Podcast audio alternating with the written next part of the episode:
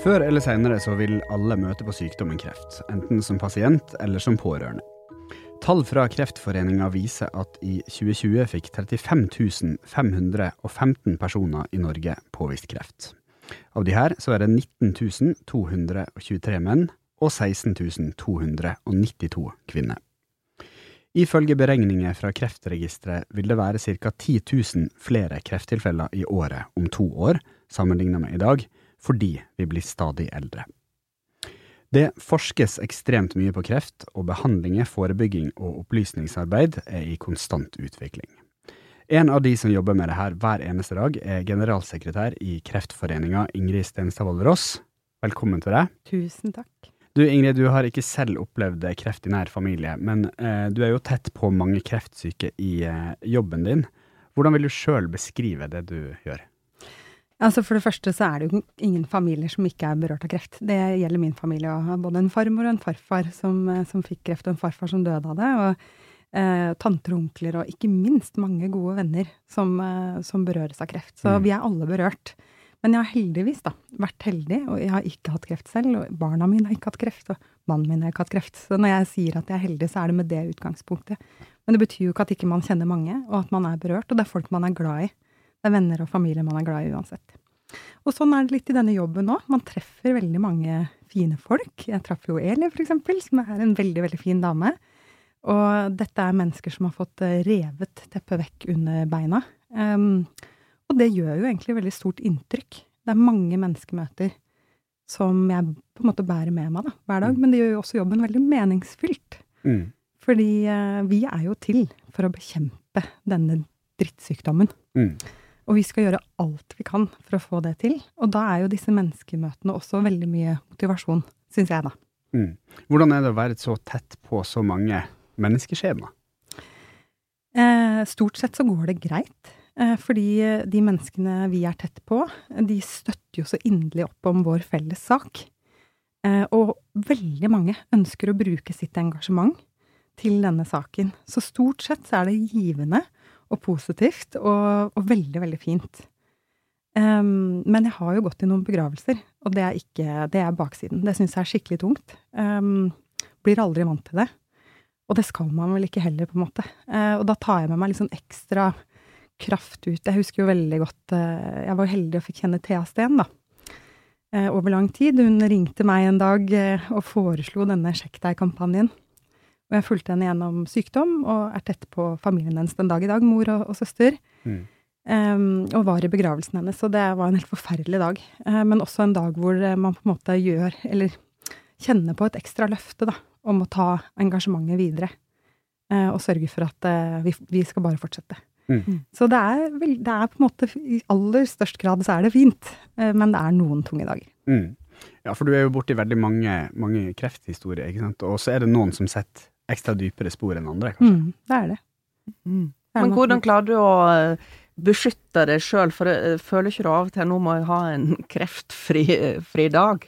For det, det, kan sikkert bli mye. Ja da, men, eh, men heldigvis så syns jeg de menneskene jeg møter, de Latteren sitter løst, altså. Til tross for alvorlig sykdom, så sitter latteren løst. Og jeg tror folk som berøres av alvorlig sykdom, har veldig ofte det til felles at uh, uten litt galgenhumor og litt humør, så blir det jo helt svart, ikke sant. Så det må vi på en måte ha, og det bærer kanskje også Kreftsaken og Kreftforeningen litt sånn preg av på en god måte, positiv måte. Da. Mm. Det er alvor, men det er likevel masse pågangsmot, masse humør. Og også folk i liksom ordentlig vanskelige situasjoner henter jo krefter og energi, og vi sier noen ganger at er, humor er kanskje den medisinen vi har, da, uten bivirkninger, som virkelig liksom drar oss igjennom. Og det syns jeg egentlig hele Kreftforeningen bærer preg av. Det er en gjeng med, med masse, masse, humør eh, og masse humor. Mm. Til tross for at vi kjenner på alvoret. Og det er ikke for å tøyse med saken, for det gjør vi veldig sjelden. Men det er bare rett og slett en eh, Jeg tror det er en, en, et overlevelsesmekanisme som, som mennesker bruker, og som også saken bærer litt sånn preg av. Så, så ja, um, jeg finner mye uh, støtte i å le, sammen med folk som uh, åpner den døra selv. Uh, og jeg finner utrolig mye inspirasjon i flinke folk som jobber med kreftsaken. Og så er jo det aller viktigste er jo at man finner så mye energi i å treffe mennesker med så mye engasjement. Mm. Og som er villig til å gjøre så mye for at andre ikke skal komme i samme situasjon. Mm. Var det noe, noe, spesielt som gjorde at du havna i Kreftforeninga? Jeg vet du var informasjonssjef der før du ble nå generalsekretær, så mm. du har mm. vært der ganske lenge? Vært der ganske lenge, nærmere meg åtte år. Um, jeg tror det enkle svaret på det spørsmålet er at jeg eh, Det jeg kan, det er å påvirke politikere. Og det er det jeg har gjort for ulike organisasjoner før. Uh, og det viktigste for meg da, det er å påvirke til endringer som er bra for mange. Um, og jeg kan ikke tenke meg noe mer meningsfylt område å gjøre det på enn kreftsaken. Mm. Og sånn kom jeg egentlig inn i, i Kreftforeningen. Uh, og så har jeg jo tatt på meg mer og mer ledelse og mer og mer ansvar. Og til slutt så, så sitter jeg her som generalsekretær. Og det føles virkelig som verdens fineste jobb. Mm. Påvirke politikere, ikke sant. Nå står vi overfor eh, det Vi har et regjeringsskifte. Eh, hva er de viktigste oppgavene til Kreftforeningen fremover?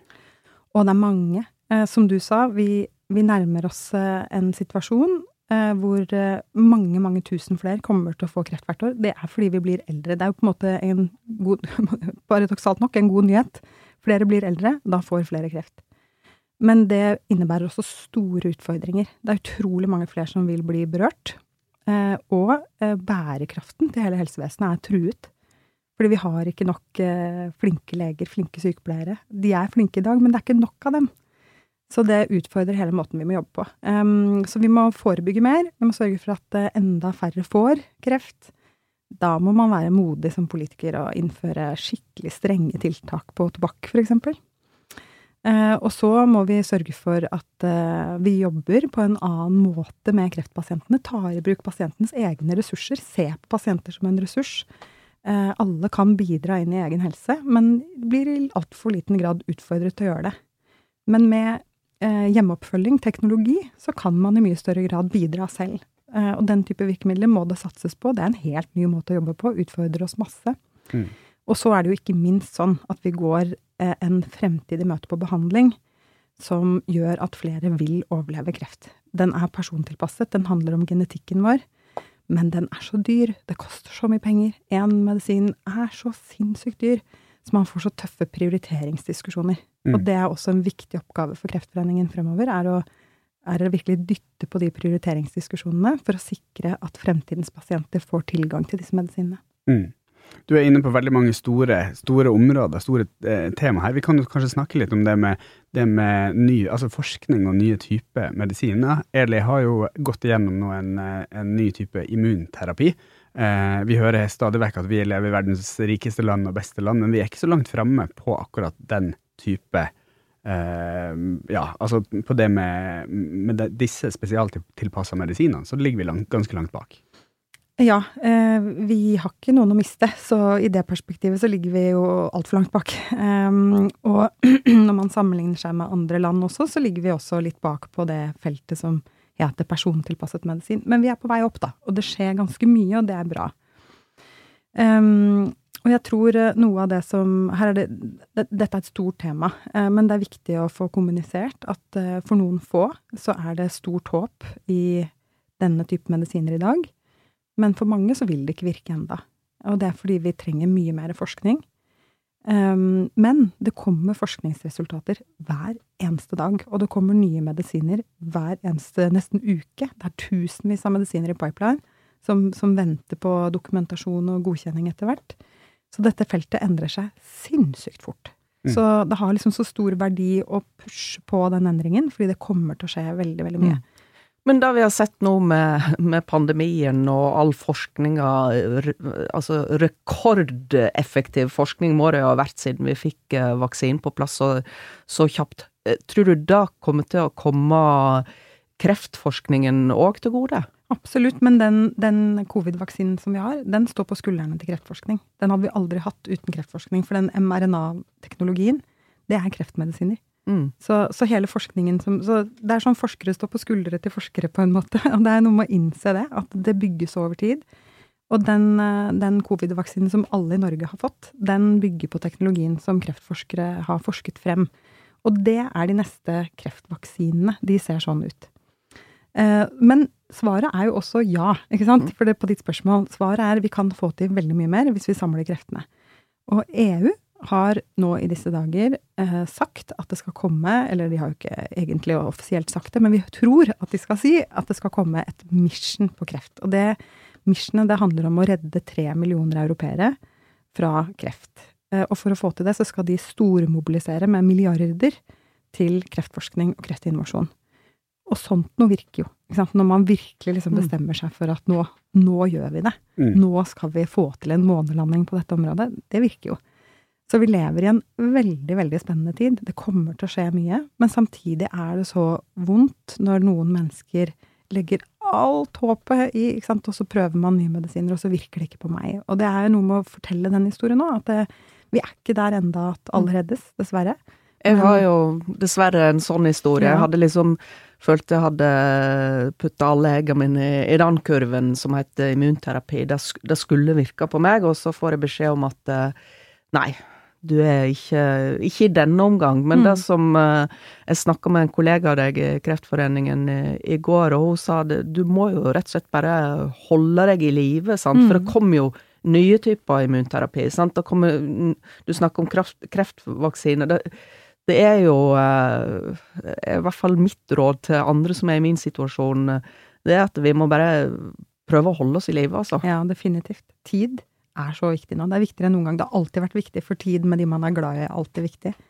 Men nå er det viktigere enn noensinne. For det skjer så sinnssykt mye på dette feltet. Og mm. derfor er det også så spennende å, å være engasjert i kreftsaken akkurat nå. Derfor er det så mange som syns at dette er spennende, eh, en spennende sak da, å engasjere seg i. For det skjer sinnssykt mye, og det kommer til å se helt annerledes ut om noen år enn det det gjør i dag. Hvis man ser på det i et litt sånn tidsperspektiv, da, så er det jo tre av fire som får kreft i Norge i eh, dag overlever. Det er dobbelt så mange som for 50 år siden. Mm. Hvordan tror du det vil se ut om 50 år? kan man komme i en situasjon der man rett og slett utrydder kreft? Altså, Kreftforeningens visjon den er et liv uten kreft. Eh, og vi strekker oss jo mot en fremtid hvor vi håper at kreft ikke fins. Men det er nok litt utopisk. Det er mange som sier det. Det er en litt utopisk visjon. Men i et liv uten kreft så legger vi som et minimum en fremtid hvor kreften tar så lite plass i livet som overhodet mulig. Og sånn er det ikke i dag. Alle som har fått en kreftdiagnose, vet at da det første man tenker, er at shit, nå dør jeg. Uh, hele livet snus opp ned. Det er et alvor uten sidestykke. Og det preger jo ekstremt mye av livet. Behandlingen er krevende, pårørende involveres. Altså, det, det spiser veldig mye av tiden din. Mm. Sånn tror vi ikke at det blir i fremtiden. I fremtiden så tror vi at veldig mye kreftbehandling gis helt hjemme, i tablettform. At det kanskje er en kronisk kreft som du lever med, men som du vet at du ikke skal dø av. Sånne typer scenarioer, de er veldig sannsynlige, eh, og ligger foran oss. Og det er det vi liksom kjemper oss mot. Så forhåpentligvis så kommer vi dit at kreft blir borte, men som et minimum så skal vi dit at kreften ikke tar så mye plass i livet som det den gjør i dag. Mm. Og hvilken tidshorisont er det man kan være realistisk og tro at det vil skje innen? Nei, altså jeg så en veldig spennende presentasjon her om dagen om hva slags disse medisinene som nå ligger i pipeline, hva slags type medisiner er det? Og nesten alle er tablettbehandling. Eh, og det betyr jo at vi skal bort fra å være på sykehuset og få infusjoner i armen, eller vi skal rett og slett kunne ta en tablett hjemme morgen og kveld. Mm. Det er en stor forskjell. Dette gleder jeg meg til. Ja. jeg var på sykehuset i går og satt med en nål i, i, armen og en, noen poser som skulle inn i kroppen der. Det, det, hadde vært utrolig deilig å bare tatt en tablett morgen og kveld, som du sier. Mm. Det tror jeg mange drømmer om. Det er akkurat det. Det er det mange som drømmer om, og sånn tror jeg fremtidens behandling kommer til å se ut. Så, og jeg tror ikke det er så veldig langt unna, for når du ser mengden medisiner på vei, og hva slags type medisiner det er, så ser du det at eh, jeg tror bare om noen år nå, så er veldig mye tablettbehandling som du tar hjemme. Mm. Det er kanskje noe man burde spurt en, en medisinsk fagperson om, men hvis man nå eh, sitter med kreft og har lyst til å være med i en sånn klinisk prøve, for det er det, det det, heter når man da tester ut nye medisiner, så mm. går det en viss periode hvor det skal testes før det blir godkjent for mm. alle. Kan man melde seg opp for å være med på testing av det? Ja, det kjempe, for det første er det kjempeviktig å på en måte signalisere til legen sin at dette er jeg positiv til. Hvis du finner en eller annen studie som passer for meg, så vil jeg gjerne være med. Det er det viktigste du gjør. Og så er det faktisk dessverre litt vanskelig å orientere seg som pasient i hva som finnes av studier. Så mitt heteste tips er å ringe Kreftforeningen, rett og slett. For hos oss så sitter det folk som følger med på dette, og som kan hjelpe deg å finne de rette stedene hvor du kan søke opp informasjon, og som ikke minst kan hjelpe deg med å forstå den informasjonen, for det er kjempevanskelig å forstå disse kliniske studiene også. Og da får du en samtalepartner. Så, så rett og slett ringe til Kreftforeningen, det er et hett tips altså, i denne sammenheng. Det er veldig bra. Da håper vi Kreftforeningen blir nedringt etter ja, det. Men, men Carlos, da, da, da, må jeg spørre deg litt mer detaljert. For, at for folk blir det sånn Å, jeg skal ringe. De, de ringer jo ikke å snakke med, med, deg, Ingrid, selv om mange sikkert kunne tenkt seg det. Eh, hva slags nummer ringer du da, liksom, hvis du skal Vet du, Det er så godt spørsmål. Det burde jeg jo visst her jeg sitter. Men, eh, men det, kan jeg, det, kan jeg, finne, og det kan dere få, rett og slett reklamere for i slutten av sendingen, men gå inn på kreftforeningen.no. For det første så ligger det masse informasjon på kreftforeningen.no. Eh, og der finner du også direkte chat. Mange velger å chatte. Og hvis du har behov for å ringe, så tar du telefonnummeret vårt også. Mm. Veldig gode tips. Eh, vi skal snakke litt om eh, 2020 og korona, for vi kommer jo ikke unna at det har vært en, eh, vi har vært gjennom en, en, pandemi som vi nå forhåpentligvis ser slutten av. Hva kan du si om etterslepet etter korona på de som har testa seg, og, og, ja, rett og slett situasjonen på det? Eh, det har vært en, eh, et veldig krevende år. Eh, det var jo i begynnelsen av pandemien sånn at alle screeningprogrammene stoppet opp. Mammografiscreening, livmorhalsprøver, alt stoppet. Uh, og da, vi har fulgt uh, situasjonen over tid. Vi maste veldig på at uh, mammografiprogrammet skulle komme i gang igjen. Vi, vi syntes det var veldig alvorlig at, at man, man, stoppet det. Vi forsto jo at det var kaotisk og at det var behov for å ta sånne grep, men, men vi var veldig utålmodige etter å komme i gang igjen. og nå Vi har jo et kreftregister som følger dette, og som har kommet med tallene for 2020. og nå ser vi jo at det mangler masse brystkreftpasienter. 10% nedgang fra året før. Og det er ikke fordi de ikke er der, det er fordi de ikke er oppdaget. Og det er jo kjempealvorlig. Eh, nå er heldigvis brystkreft en sykdom som stort sett utvikler seg sakte. Da mener jeg sånn på generelt grunnlag så utvikler det seg sakte. Kan jo være unntak fra det òg. Men eh, vi er jo redde for at vi vil se pandemien på statistikken, på en måte. Eh, og det betyr jo da senere oppdagelse. Betyr mer komplisert behandling og flere som dør. Så det har vært vår store skrekk hele veien. Um, og derfor har vi prøvd å minne på, og sagt til særlig til damer, da, som har blitt sånn ekstra påvirket av at både livmorhalsprogrammet og mammografiprogrammet har stoppet opp, si til damer gå og ta celleprøve eller livmorhalsprøve. Ta kontakt hvis du vet du skulle hatt mammografi. Vær en pådriver selv. Gjør det du kan. Og så har vi mast masse på systemet i forhold til å prøve å ta igjen dette etterslepet. Men det er litt sånn sørgelig, fordi mammografiprogrammet for eksempel, de vil ikke komme à jour før om lenge. Så vi vet at dette her ikke bare Det er ikke bare noe de tar igjen nå, det er noe de strever med å ta igjen. Og jeg tror det først er til neste sommer ja, at de begynner å nærme seg å ta igjen dette etterslepet. Mm. Så det er jo Det får alvorlige konsekvenser for, eh, for kreftdiagnostikk og kreftbehandling. Eh, hva kan du si om kjønnsforskjellene på, på de tallene som kom, fra, kom, nå fra Kreftregisteret på antall? Det er jo flere menn enn kvinner som, som har kreft, men det, det, henger vel kanskje sammen også med testing? Uh, Nja, det tror jeg ikke egentlig. Uh, det henger så veldig sammen med testing, for det er tross alt kvinner som kanskje har de fleste screeningprogrammene.